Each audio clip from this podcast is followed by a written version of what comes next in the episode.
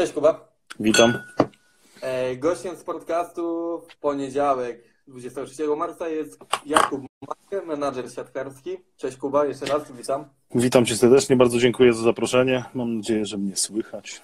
Chyba tak. Ja Ciebie słyszę idealnie. Jeśli Super. ktoś będzie nie słyszał, to niech da znać w komentarzu po prostu i zobaczymy, jak to wyjdzie w praniu.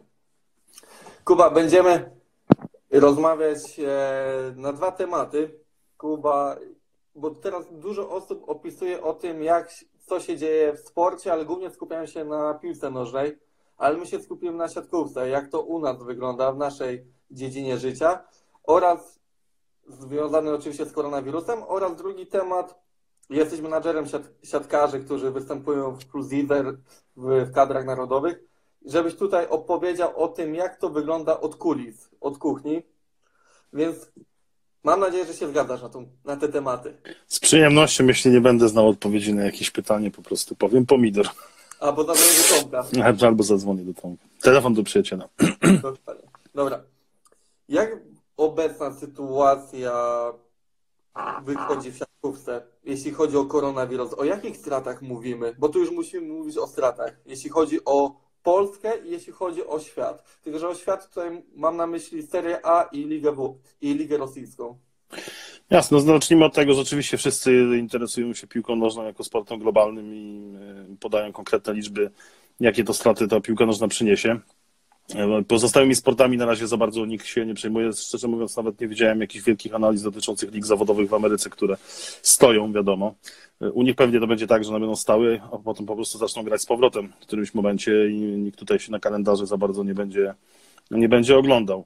E, Jakie straty w siatkówce? No to musielibyśmy, ja powiem tak, mamy to szczęście, że akurat siatkówka, dlaczego tak dużo mówi się o piłce nożnej? No, piłka nożna stoi na kontraktach telewizyjnych przede wszystkim i rzeczywiście polska ekstraklasa aktualnie realizuje bardzo wysoki kontrakt y, z dwoma nadawcami, czyli z Kanał Plus i tam z NC Plus i, e, i z telewizją publiczną. Mm, NC Plus jeszcze zdania na ten temat nie zabrał, natomiast y, TVP już jakby słowami Marka Szkodnikowskiego na Twitterze, szefa TVP Sport, no powiedział, że oni jednak jakieś tutaj mm, wnioski muszą z tego wyciągnąć, no ponieważ nie mają tego kontentu do, do nadawania. Jeśli chodzi o siatkówkę, no to wiemy, że nasz kontrakt telewizyjny jest oczywiście bardzo wysoki, jak na wszystkie pozostałe ligi w Polsce. Natomiast nie ma on tak wielkiego wpływu na finanse, na finanse klubów. Te pieniądze, które przepływają pomiędzy Plus Ligą, czy tam PLSSA, a, a klubami, no to nie są jakieś wielkie pieniądze w, w skali budżetów klubów, nawet tych mniejszych, to, to nie są jakieś ogromne, gigantyczne pieniądze. No więc z tego tytułu pewnie ta strata będzie niewielka. Straty z dnia meczowego to jest kolejna rzecz, że no, siatkówka nie jest sportem, który jakoś wybitnie zarabia na dniu meczowym. E, Myślę, że w lidze jest tylko kilka klubów, które tak naprawdę mają jakieś przychody z tego tytułu, czyli że przychody z biletów y, i wszystkiego, co jest dookoła w tym dniu meczowym, y, przewyższają koszty organizacji y, spotkania. No, można powiedzieć, że pewnie Warszawa mogłaby tu być jakoś tam poszkodowana, czy Kędzierzyn, który planował grać mecze finałowe w Gliwicach. I z tego tytułu jakieś koszty na pewno, na pewno poniosą. Warszawa planowała, że wiadomo, jeśli no, grali gdzieś tam w finałach, no to, to mecze tam powiedzmy z Zaksą, czy, czy z jakimś innym przeciwnikiem, zależnie kto to by był. No pewnie sprowadziłyby na Torwar komplet, oni z Torwarem mają taką sytuację, że rzeczywiście jest tam jakiś punkt, y, po którym jakby zaczynają na tym Torwarze zarabiać, do, do, do niektórych meczów muszą po prostu dokładać. Więc te straty można pewnie jakoś w ten sposób policzyć. No jak zachowają się sponsorzy, no to jest, to jest drugie pytanie. Tutaj też struktura sponsorów y, klubów plus lidze mm, jest dosyć można powiedzieć, no, klarowna tak naprawdę. Mamy część klubów, które sponsorowane są przez spółki Skarbu Państwa. Mm, To jest Jastrzębski Węgiel, to jest Zaksa Grupa Azoty Kędzierzyn, to jest PGS Krabełchatów. Jest też Enea już jako sponsor w kilku klubach, przecież chyba w Złuchtach, w Radomiu i i w Bydgoszczy. Więc pytanie brzmi, jak y, te spółki Skarbu Państwa do tego podejdą. Na dzień dzisiejszy no to jeszcze nie wiadomo. Oczywiście mm, tutaj w tematach umów sponsorskich mówimy o tym, że brak jest realizacji świadczeń. Jak widzimy, no część klubów stara się tą realizację świadczeń i tak prowadzić, mimo tego, że liga jest zawieszona. No widzimy tutaj bardzo dużą aktywność y, w mediach społecznościowych części klubów i to no tutaj zdecydowanie bryluje Tref Gdańsk, który, mm, który no właściwie no ma całe programy codzienne, właściwie całe ramówki tworzy tworzy dla, dla swoich kibiców i też pod, to, pod tym kątem, żeby tych swoich sponsorów E, te, dla tych swoich sponsorów realizować świadczenia, czy dla Trefla, czy dla miasta Gdańsk i pozostałych tam Cekoli i tak dalej, wszystkich sponsorów, których oni mają. Więc kluby starają się jakoś kreatywnie do tego tematu podejść, e, żeby te straty minimalizować, ale również dlatego, żeby uzyskać argumenty dla swoich e, partnerów biznesowych do tego, że no jednak no mimo tej sytuacji staramy się te świadczenia w większym czy mniejszym stopniu realizować. Tak, na pozostałe rzeczy no nie mamy wpływu. A jeśli chodzi o tą sytuację już dla Ciebie, stricte jako menadżera siatkarskiego, jak zachowuje się rynek? Zauważasz różnicę pomiędzy zeszłym sezonem, zeszłym rokiem, a teraz obecnie, gdzie prezesi przykładowo czekają na ruchy, to co się wydarzy w związku z koronawirusem, czy liga ruszy, czy nie ruszy i czy jest takie wahanie nastrojów, jeśli chodzi o Twój aspekt tutaj?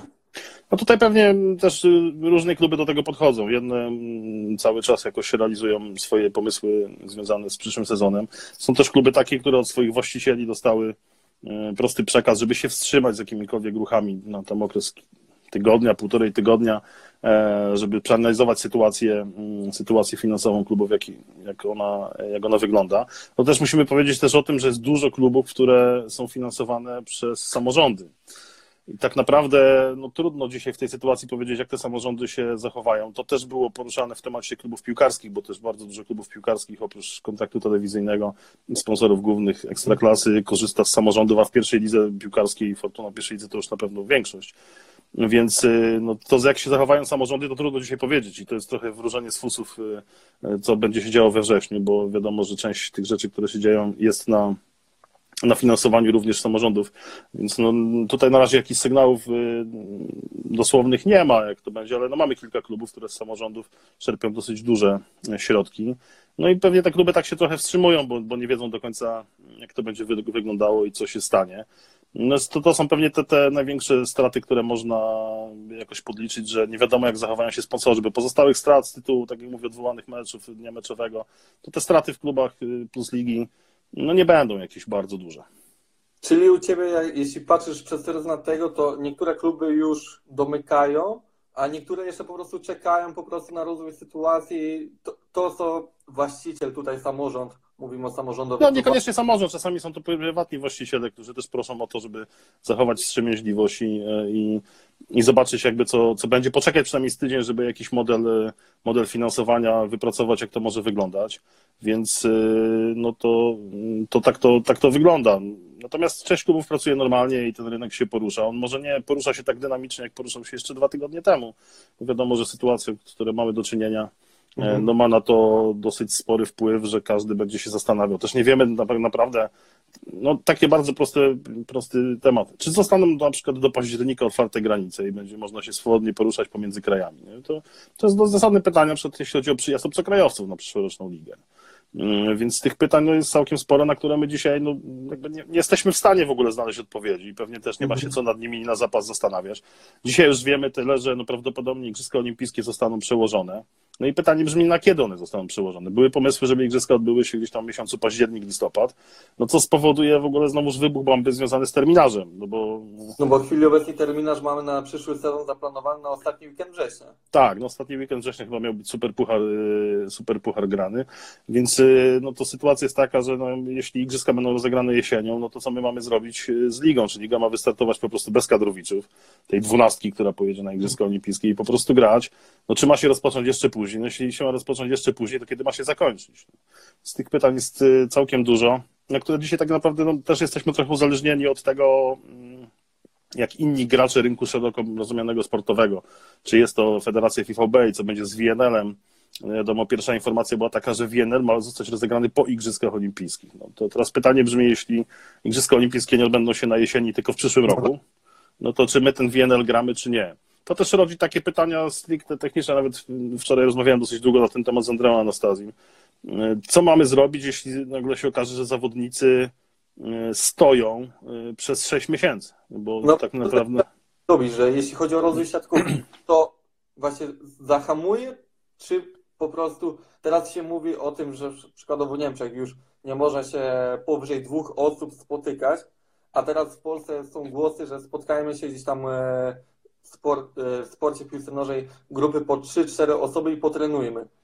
No, ale no, nie, nie no, no to tych te pytania to się mnożą. No, pierwsze pytanie jest takie, jakby jaka będzie decyzja y, Ligi i Polskiego Związku Piłki Siatkowej związana z tym, czy my sezon kończymy, czy nie, bo to jest chyba najważniejsze. Dzisiaj dwie ligi już w tej chwili y, no powiedzmy, nie, no więcej tych lig, ale dwie no takie powiedzmy bardzo bliskie nam w strukturze, czyli Liga, Kosz, Liga Koszykarska, Liga Piłki Ręcznej, e, swoje rozgrywki zakończyły, uznając klasyfikację tak, jak ona jest, nie zważając na to, że kluby mają rozegrane różną ilość spotkań, no po prostu poszukały, nie wiem jak to nazwać, mniejszego zła, tak, można tak powiedzieć, i, i zdecydowały, że, że będzie to tak wyglądać. Mm, no ta decyzja jest przed nami, mówi się o tym, że ta decyzja będzie podjęta w środę, w czwartek y, ma być Rada Nadzorcza Ligi, która jakąś swoją rekomendację przekaże do PZPS-u i PZPS tą decyzję ma, y, ma podjąć. Y, I za tym już pójdzie cała dalsza lawina, bo tak jak mówię, no, trenerzy już zaczęli myśleć o tym, że okej, okay, no jak nie będzie reprezentacji, no to musimy zacząć, jak już nam będzie wolno oczywiście, to zgromadzenie robić, no zacząć jakieś treningi realizować, w formatach chociaż jakichś takich tygodniowych, e, tygodniowych spotkań zawodników, żeby ich podtrzymać w treningu, bo przerwa dla zawodników no 6 miesięcy no, może być e, dramatyczna, no, również pod kątem przyszłych kontuzji i szeregu innych, innych rzeczy, które mogą wystąpić, więc trzeba im tam jakąś prewencję narzucić. No dwa, no, trudno nam wymagać od zawodników tego, żeby po 6 miesiącach, może nie 6, bo jakieś przygotowania się zaczną wcześniej, dwa miesiące wcześniej, no nie, nieposiadanie jakby dotykania piłki, no mają z marszu przejść na przygotowanie. Pewnie te przygotowania trzeba będzie rozpocząć wcześniej, ale to znowu zawracamy. Nie, nie mamy pojęcia, kiedy liga może się zacząć, no bo to nie jest trochę zależne od nas. Nie wiemy, kiedy. To liga to jest jedno, przepraszam, że ci wchodzę, ale też drugi temat, tak jak na przykład y, hale są pozamykane przez miasto, a większość klubów no, użytkuje hale miasta. No to i tutaj co ma powiedzieć klub takiemu miastu, że otwórzcie halę, oni powiedzą, no przepraszam, ale no, w chwili obecnej panującej sytuacji no nie otworzymy. No to był główny powód, że większość zespołów zaprzestała treningów, bo po prostu nie mają gdzie trenować. No, hale się zamknęły różnymi decyzjami władz lokalnych, sanepidu, yy, po prostu się pozamykały, więc niezależnie od tego, że powiedzmy jest zakaz zgromadzeń powyżej 50 osób, po prostu obiekty sportowe zostały pozamykane i, i tego miejsca do treningu nie ma. Zawodnicy starają się w domach no, coś robić, na ile mogą.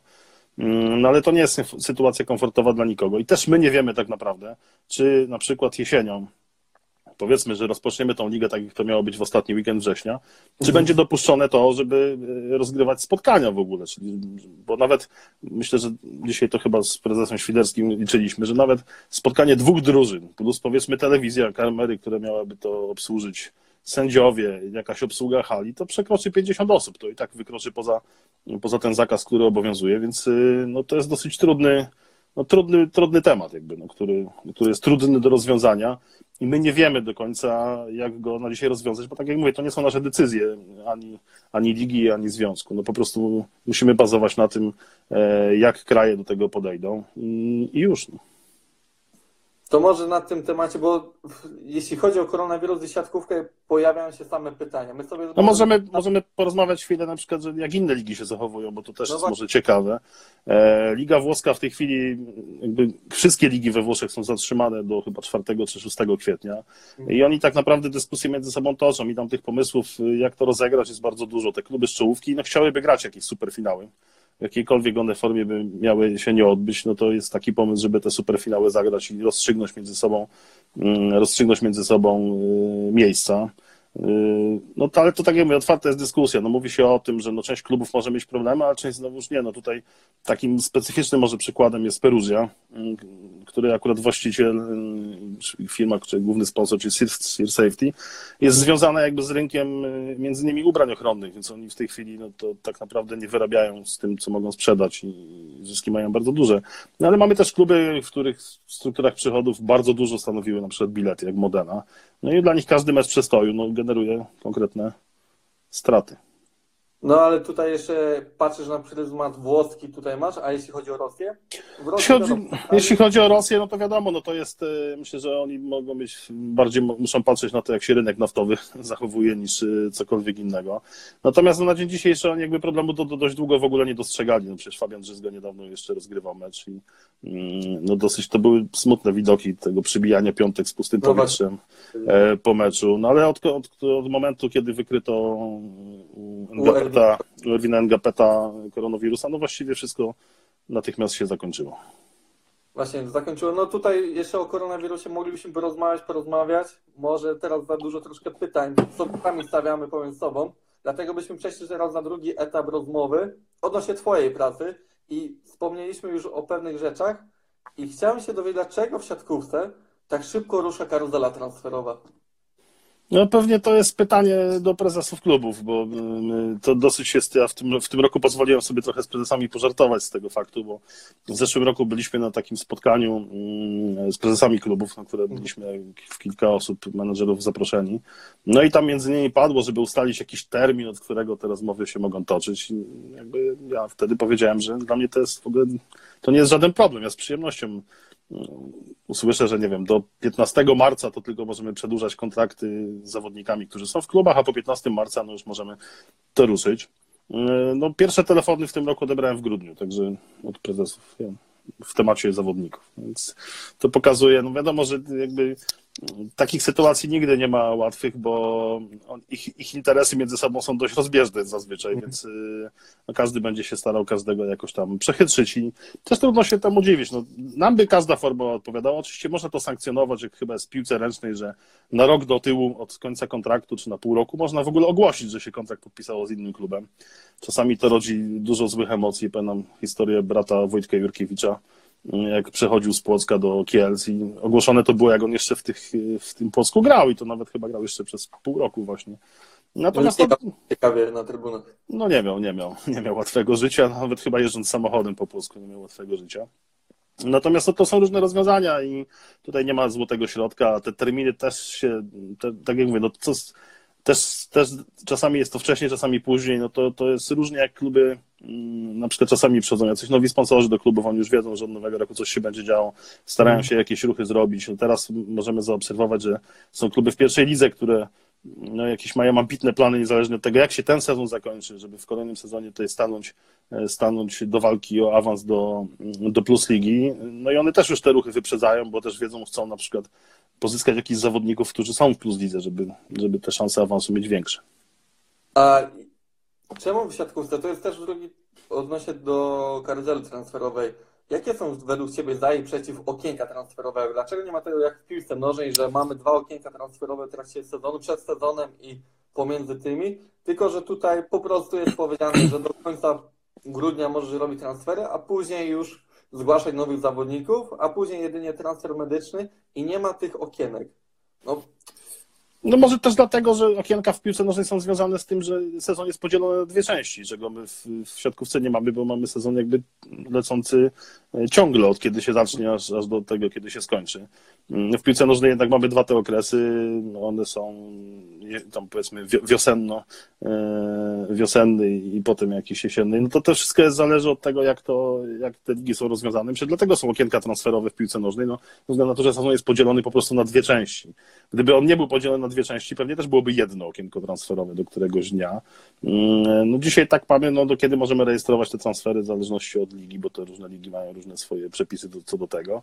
Mm, no także jest to jakoś tam ustrukturyzowane, tak. Włosi y, mieli kiedyś, chyba nawet mają cały czas, że tam jak ktoś się spóźni do jakiegoś terminu, to potem taki zawodnik musi pauzować po prostu trzy mecze, zanim zacznie grać. No, takie, to, to, to było takie zapożyczenie z piłki nożnej, powiedzmy. A twoje, jakbyś miał wskazać za i przeciw okienka transferowego? Jakby tutaj było po prostu w siatkówce, tak? No ale to znowu nie, to, to, okienko transferowe to mówi tylko o tym, kiedy możemy rejestrować te transfery tak naprawdę, a nie o tym, kiedy możemy o tym rozmawiać, więc to... to... Bo rozmawiać może i tak, tak cały rok. Oczywiście, więc to nie ma żadnego znaczenia. Tutaj yy, w piłce nożnej mamy po prostu określony termin rejestracji zawodników, tak? Mhm. Mamy, mamy to, że w piłce nożnej tam są te szaleńcze yy, biegi, Deadline. potem wysyłania, deadline, wysyłania na ostatnią chwilę yy, maili, czy kiedyś faksów, Ktoś tam leci gdzieś w samolocie, ale zawraca, tak jak to kiedyś było chyba z Kamilem Grosickim.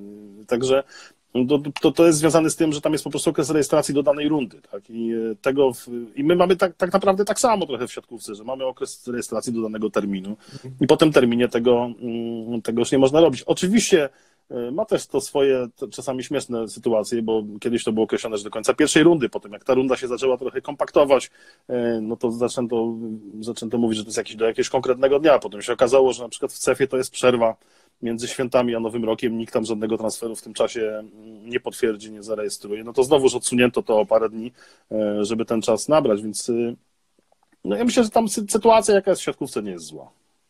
E, przepraszam, Monika Paczkowska, cześć Widać. panowie. Witamy Cześć, Monika, cześć. E, Kogo być łatwiej menadżerem, zawodnika czy trenera? No, na pewno zawodnika. Y, Co do tego nie ma żadnych wątpliwości, bo, mm, bo rynek trenerski jest bardzo trudny. Rynek trenerski jest bardzo trudny, chociażby z tego względu, y, że mm, no, wiadomo, że jak ktoś musi być winien w jakiejś sytuacji, no to najłatwiej jest zwolnić trenera, więc Pierwszy do strzału. Pierwszy do odstrzału jest trener, no to, to, to jest wiadomo dlaczego, no dlatego, że dlatego, że no, trudno wymienić 14 zawodników, tak, w, w trakcie sezonu szczególnie. A czasami wręcz to jest niemożliwe, jak na przykład przejdziemy ten właśnie okres y, y, otwarty, okienko transferowe. No więc na pewno z trenerami jest trudniej, tak? To, e, trenerami jest trudniej, ale to też jest fajna praca tak naprawdę, bo mm, jest dosyć kreatywna. Za- U zawodników to jest y, jakby ce, są cechy jakieś y, sportowe, tak, no i można powiedzieć mentalne. To jest coś, co powoduje, że zawodnik jest lepszy czy gorszy. U trenerów to trochę jest inaczej, bo tak naprawdę do tego jeszcze dochodzi jakiś taki hipotet, nie wiem jak to nazwać, no, łód szczęścia, można tak powiedzieć, bo czasami mm, coś zagra, czasami coś nie zagra i tak do końca mm, trudno powiedzieć, gdzie leżała wina i dlaczego tak się stało, więc y, y, no, z trenerami to jest ciekawsze na pewno. Ciekawsze, ale to też tak patrzysz przez pryzmat y, trenera, po prostu tak jak wspomniałeś o łód szczęścia, że po prostu idealny moment, żeby wsadzić, w cudzysłowie, wsadzić swojego trenera do tego klubu, czy też planujesz przez pryzmat tego, jak tak drużyna jego wcześniej grała, bądź jak on ma wizję swoją siatkówki, że będzie pasował tak jak zawodnik przykładowo do tego klubu, że fajnie by było, gdyby nie wiem, za rok kończy mu się ko- kontrakt, w tym innym klubie trenerowi się kończy kontrakt, to być może się uda tam wsadzić mojego, mojego no. trenera. Taki mieliśmy z Tomkiem chyba też taki pomysł jakby promowania polskich trenerów przez moment, żeby jakby odwrócić ten trend, który cały czas mówił o tym, że tylko obcokrajowcy, obcokrajowcy. No i rzeczywiście na parę rzeczy, no jak na przykład w Gdańsku y, czy, czy Rzeszowie, no udało się, udało się to zrobić. Oczywiście te historie potoczyły się zupełnie różnie, obydwie, a obydwie były właściwie prowadzone w podobny sposób. No to znowu wracam do tego łutu szczęścia, który jest Mhm. czasami potrzebny.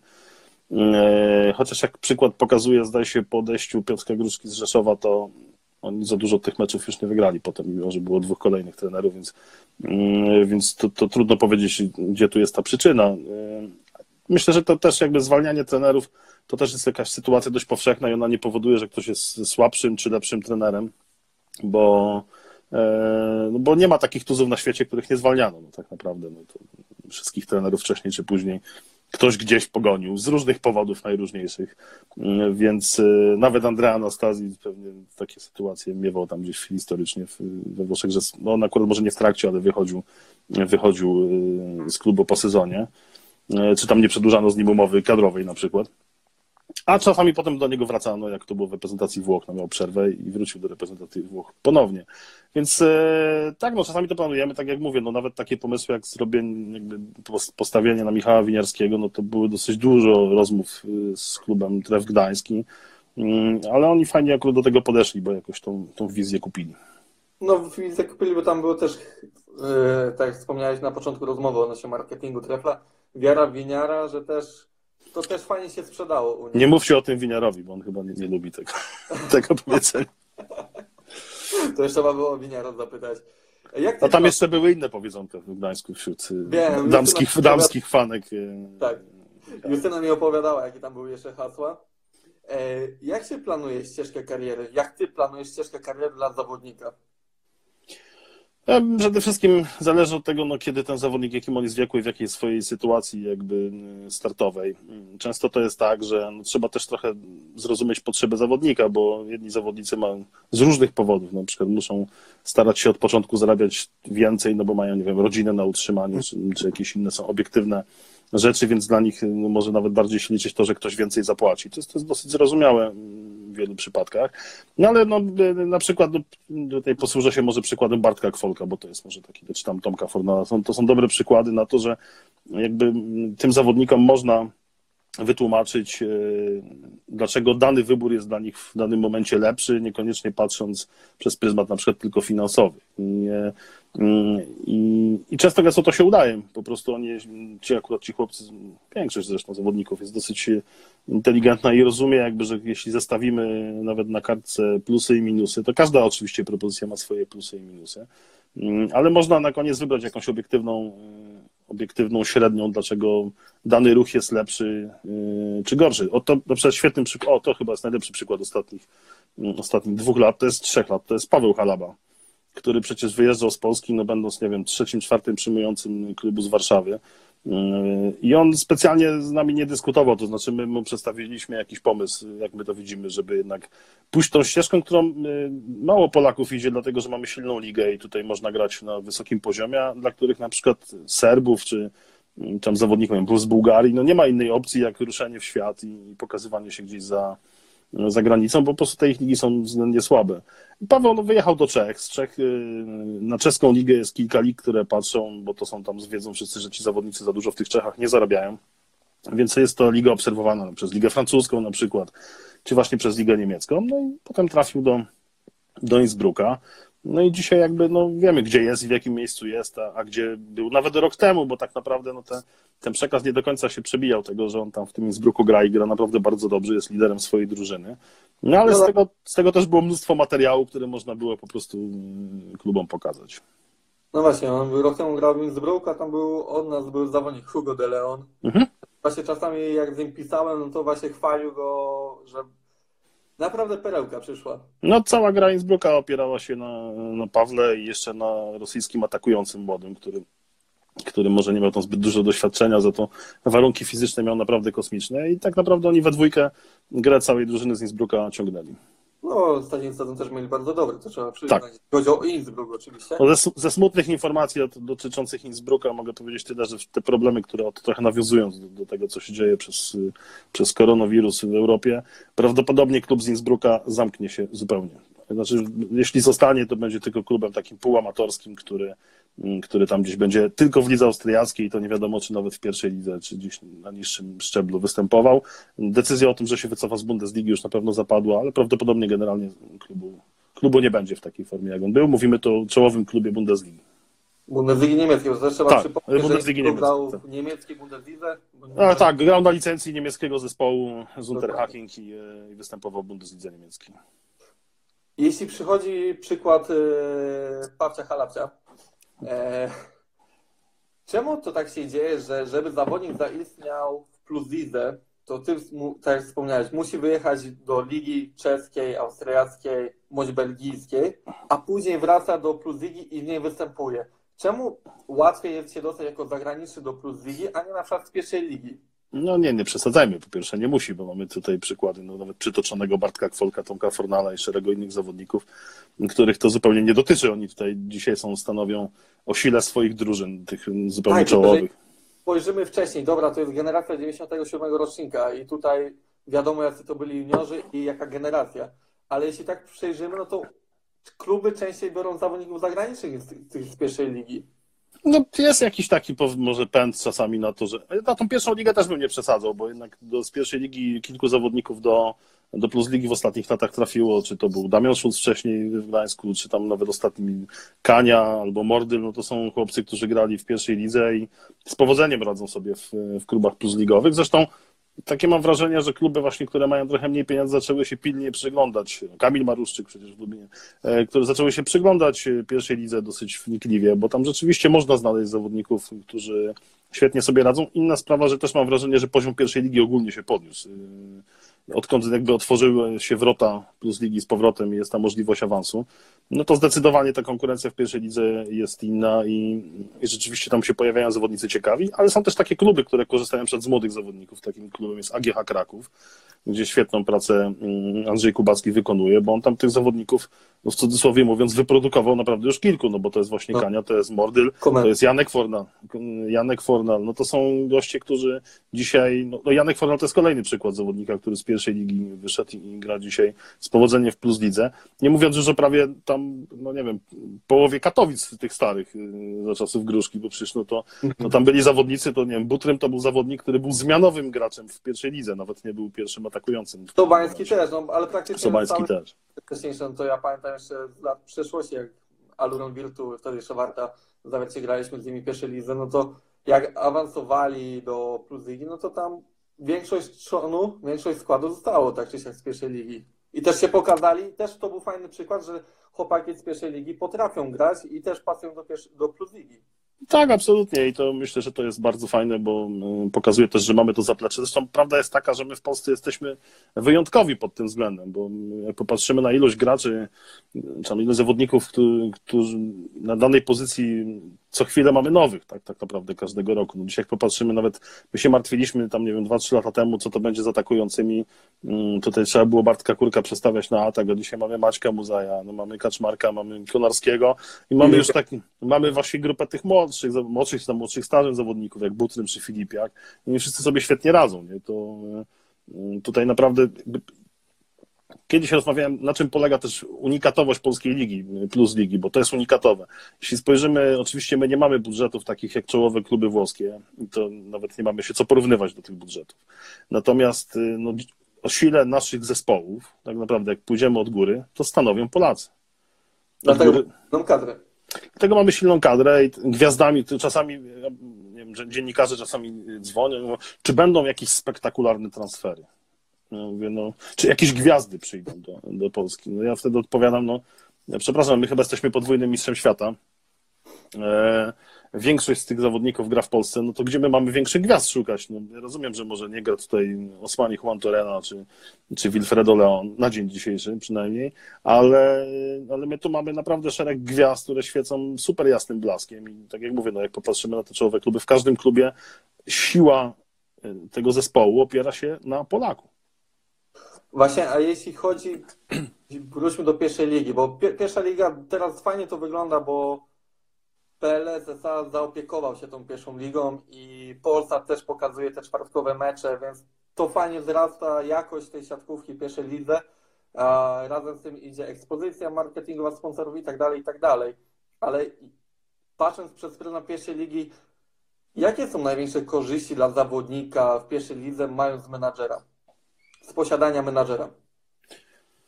Ja Myślę, że tutaj chodzi głównie o to, żeby właśnie tamte wybory są ważne. Do jakiego klubu się trafi, do jakiego trenera, y, jaką się rolę będzie w zespole odgrywać. Jeśli są to zawodnicy młodsi, no to wiadomo, że kluczem jest możliwość grania, tak? Y, y, Lub też możliwość pracy z jakimś świetnym fachowcem, który w danym klubie jest. Więc tutaj to są ważne rzeczy, bo jakby to, czy na przykład wie, wiemy wcześniej, które kluby mają ambicje do awansu i k- którym można jakby wchodzić do tego statku po to, żeby z nim razem potem przeskoczyć do Plus Ligi, bo możliwości jakby przejścia do Plus Ligi mamy dwa, albo przechodzimy jako zawodnik po prostu do innego klubu, który w Plus Lidze gra, bądź też przechodzimy Tak. razem, razem z zespołem, który awansuje, jak to się stało na przykład w, z Suwałkami, tak nie Mhm. sięgając.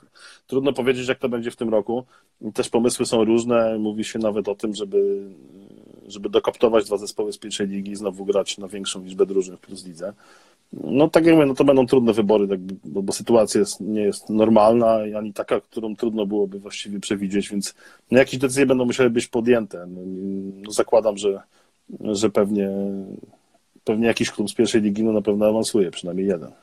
A właśnie, patrząc tak czysto z ciekawości dla Ciebie, yy, Stalnyca to jest pewniak? Jakby został ten sezon do końca ugrany normalnie, w normalnych warunkach, Mhm. tak gdybając już po prostu Stalnyca i BBTS Bielsko-Biała finał pierwszej ligi?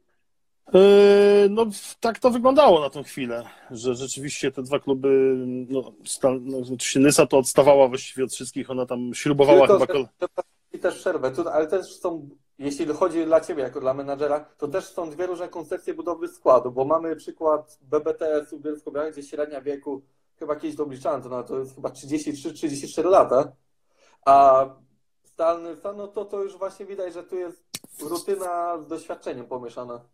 No Nysa budowała drużynę tak jakby, też musimy pamiętać, y, jak niektóre drużyny starają, ona już tak no, drużynę miała zbudowaną właściwie w zeszłym roku, no przecież to jakby wygrana Suwałk była ogromną niespodzianką. Ja akurat miałem okazję być na ostatnim z tych meczów, który przypieczętował jakby awans Suwałk do, do Plus Ligi. To była mega niespodzianka, bo Nysa była budowana trochę tak, że jak już awansuje, to żeby nie musiała y, za dużo tych zmian w tym zespole robić i grać w tej Plus Lidze.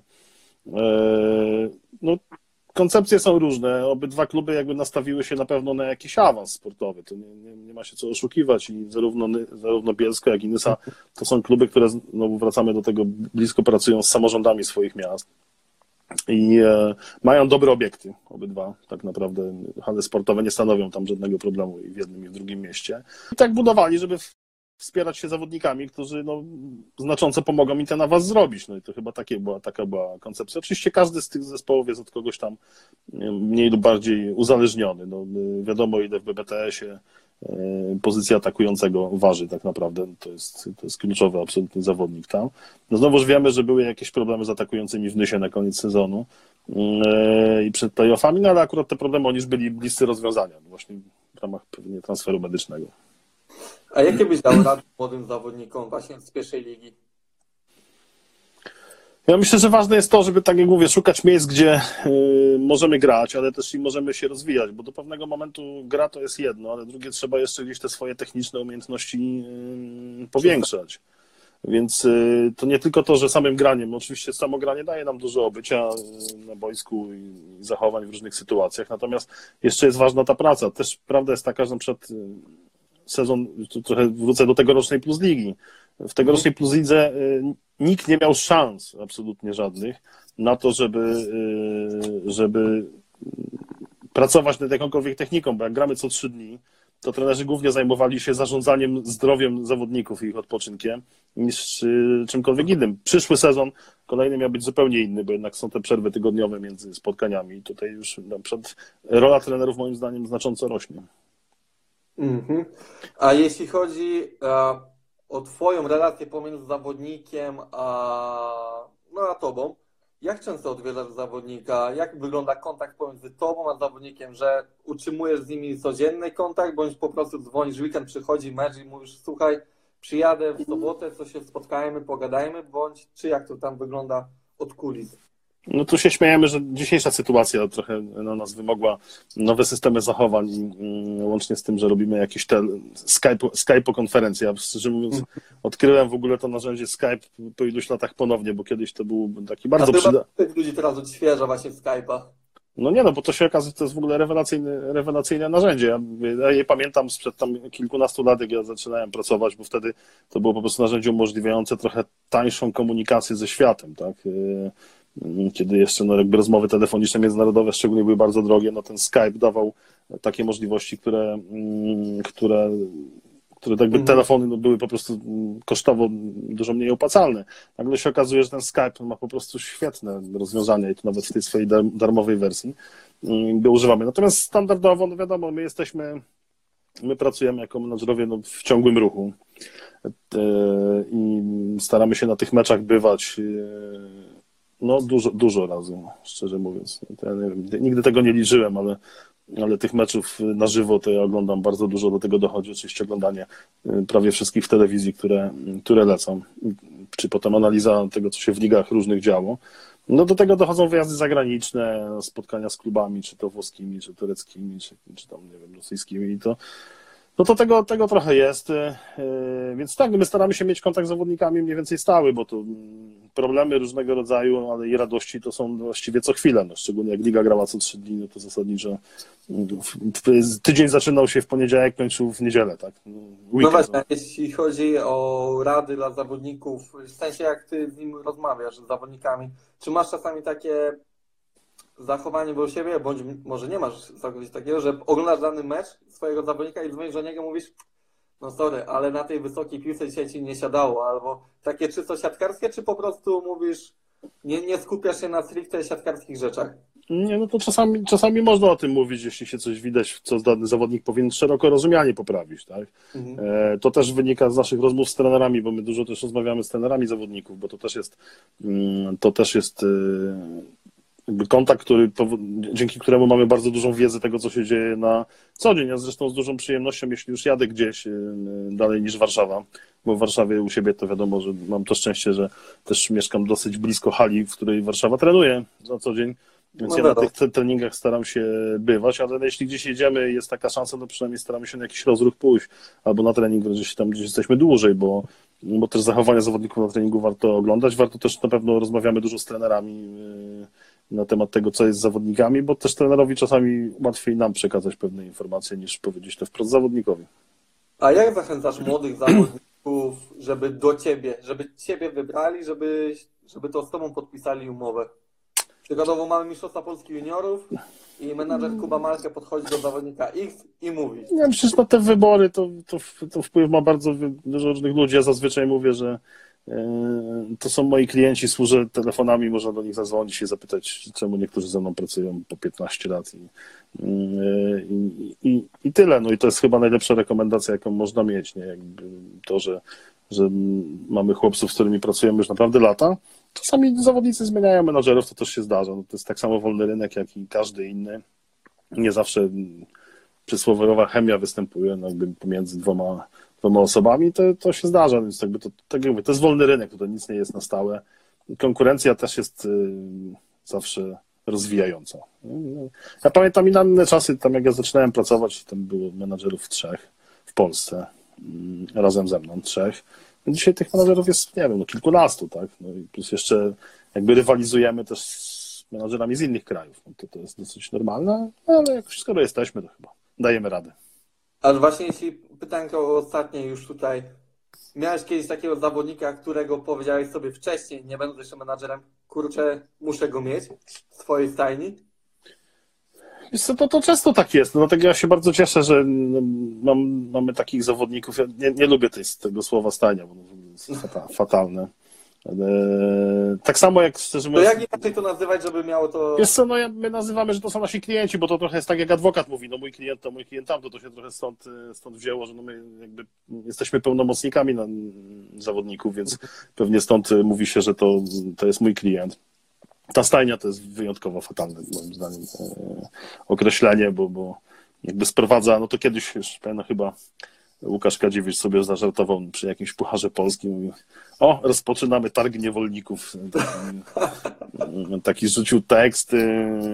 Ja czasami śmiejąc się, jak ktoś się pyta, czym ja się zajmuję, no to mówię, że no, zasadniczo handluję żywym towarem, ale to oczywiście w ramach, w ramach dowcipu, bo, bo trzeba mieć duży szacunek też do tych wszystkich chłopców, którzy grają.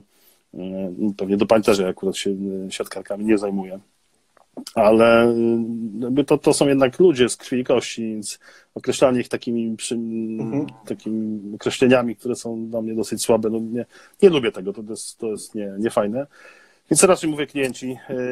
Więc ja mam to szczęście, że ja pracuję naprawdę, zresztą pracujemy z Tomkiem we dwójkę ze super zawodnikami, nie? To, którzy dają nam dużo szczęścia, no bo patrzeć na to, jak właśnie mówię, odrębne typy, no takie typy, takie typy kariery, czy tam rozwoju, jak no właśnie Kania, czy, mm, czy Bartek Mordyl, a z drugiej strony no mamy tutaj Bartka Kwolka, czy Tomka Fornala, no, czy właśnie takie historie y, jak, y, jak z Halabą albo Wojtkiem Ferencem, jakichś powrotów, tak, po, po, po kontuzjach, po różnych sytuacjach, to naprawdę to, to bardzo cieszy, nie? To, to, mnie to daje dużo satysfakcji, jakby patrzenie na to, jak ci, że oni wszyscy jakby wiedzą, w którą stronę chcą iść. I myślę, że to jest, dla mnie przynajmniej to jest bardzo ważne, żeby, mm, żeby wiedzieć, zadać proste pytanie, czy ty jakby wiesz, gdzie ty chcesz być, tak, za chwilę i czy jesteś w stanie temu trochę poświęcić, e, a ja ci pomogę w tym, żeby to się udało, no bo to, to tak naprawdę się do tego, do tego sprowadza.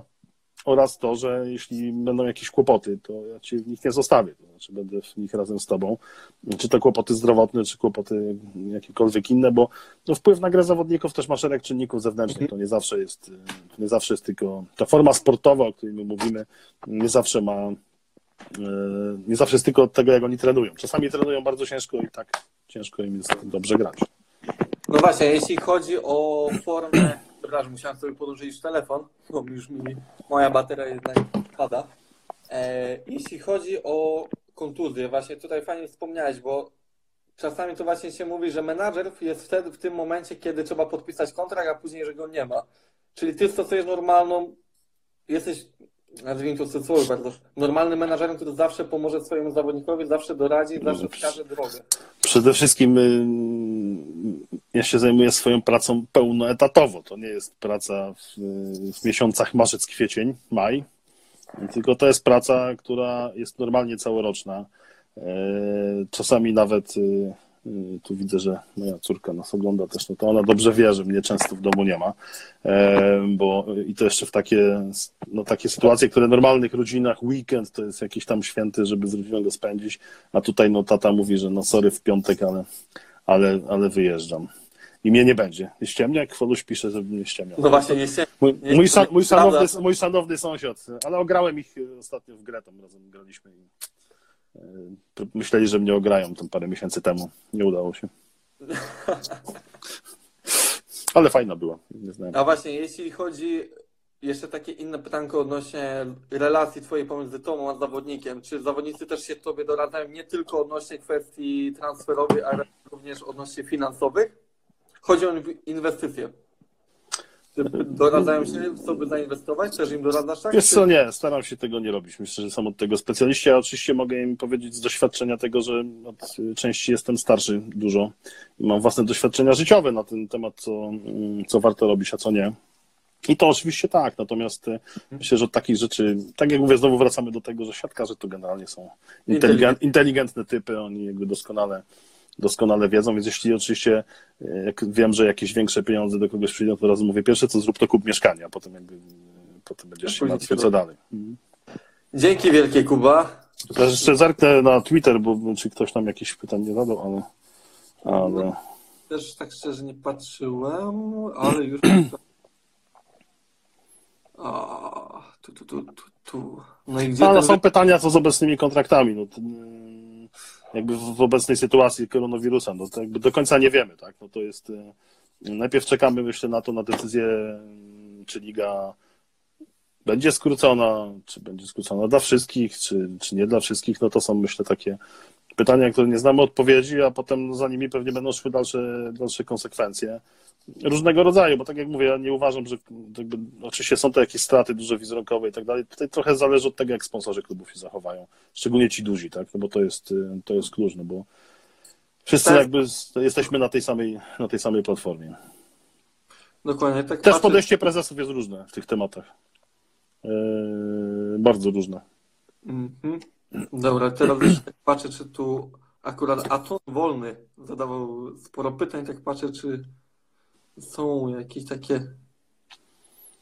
No to trochę wracamy do. do no, wracamy dużo, do początku. Dużo, dużo, się, dużo mówienia na ten temat, jakie są oczekiwania. Myślę, że tutaj oczekiwań, myślę, że najważniejsza w tej całej sytuacji, cokolwiek nie będzie później, jest po prostu otwarta rozmowa e, i to, żeby wszystkie strony ze sobą naprawdę otwarcie rozmawiały, bo to jest chyba najważniejsze. Najgorsze będzie to, jeśli ktoś nagle uzna, że jednostronnie chce tutaj jakąś decyzję e, podjąć, e, no nie nawet nie pytając tej drugiej strony, o, o zdanie. Tutaj w, chyba w siódmej strefie e, Andrzej Wrona powiedział o tym, że, e, że zawodnicy utworzyli sobie już taką grupę, zawodnicy z różnych drużyn, przedstawiciele różnych drużyn. To jest super, bo jakby, żeby jakieś stanowisko też wspólne oni mogli e, mieć i reprezentować, to też jest dosyć ważne. Mm, no tak jak mówię, w piłce nożnej się dużo o tym mówi, no bo tam oni już liczą te straty, ale też tam się mówi w, różny, w różną stronę, bo już mówi się, że jakiś fundusz pomocowy będzie z Polskiego Związku Piłki Nożnej, że mm, no część zawodników, dzisiaj widziałem rozmowę Mateusza Borka, przez Mateuszem porozmawiać, żeby kanał sportowy jednak coś o siatkówce czasami mówił, bo Mateusz się tak jakoś mówi, że nie wiem, bo w Polsce już jest tak dużo siatkówki, że nie będzie na, na kanale sportowym siatkówki. Natomiast Mateusz e, rozmawiał z z Wojtkiem Szczęsnym, który powiedział, że no przy naszych zarobkach nie ma o czym dyskutować, co nam przedstawią, to zaakceptujemy. Bo to jest inna zupełnie skala no finansowa, no inna liga. Nie? No jakby siatkówka to nie jest piłka nożna w wykonaniu Juventusu Turyn. Dokładnie. Na tym zakończmy naszą rozmowę. Dzięki wielkie. Przedstawiłeś fajnie sytuację, jeśli chodzi, jak panuje tutaj pomiędzy siatkówką a koronawirusem, jak to wpływa na działanie, funkcjonowanie tego całego mechanizmu w siatkówce oraz dzięki, że opowiedziałeś o kulisach swojej pracy, bo dużo osób nie wie tak, tak naprawdę z czym się je, a mam nadzieję, że tą rozmowę, dzięki tej rozmowie dużo osób się dowiedziało, jak to tak naprawdę wygląda praca menadżera w siatkówce. Ja cała przyjemność po mojej stronie, to widzę, że na tym czacie, który nam towarzyszy, przesuwa się cały czas jedno pytanie, gdzie będzie grał Bartek Kwolek. Nie powiem. Ja też nie, bo też nie wiem. Może sam odpowiedzieć, bo jest tutaj na tym czasie, to będzie chciał. Prze- Przeczytam w przeglądzie sportowym albo w innej gazecie. Pewnie tak, za jakiś czas. Dzięki wielkie. Moim Dzięki. był Kuba Malkę, menadżer siatkarski. Dzięki wielkie za czas i za rozmowę. Dziękuję bardzo. Pozdrawiam wszystkich serdecznie, którzy mieli ochotę nas wysłuchać. Dzięki wielkie. Na Dzięki, razie. na razie.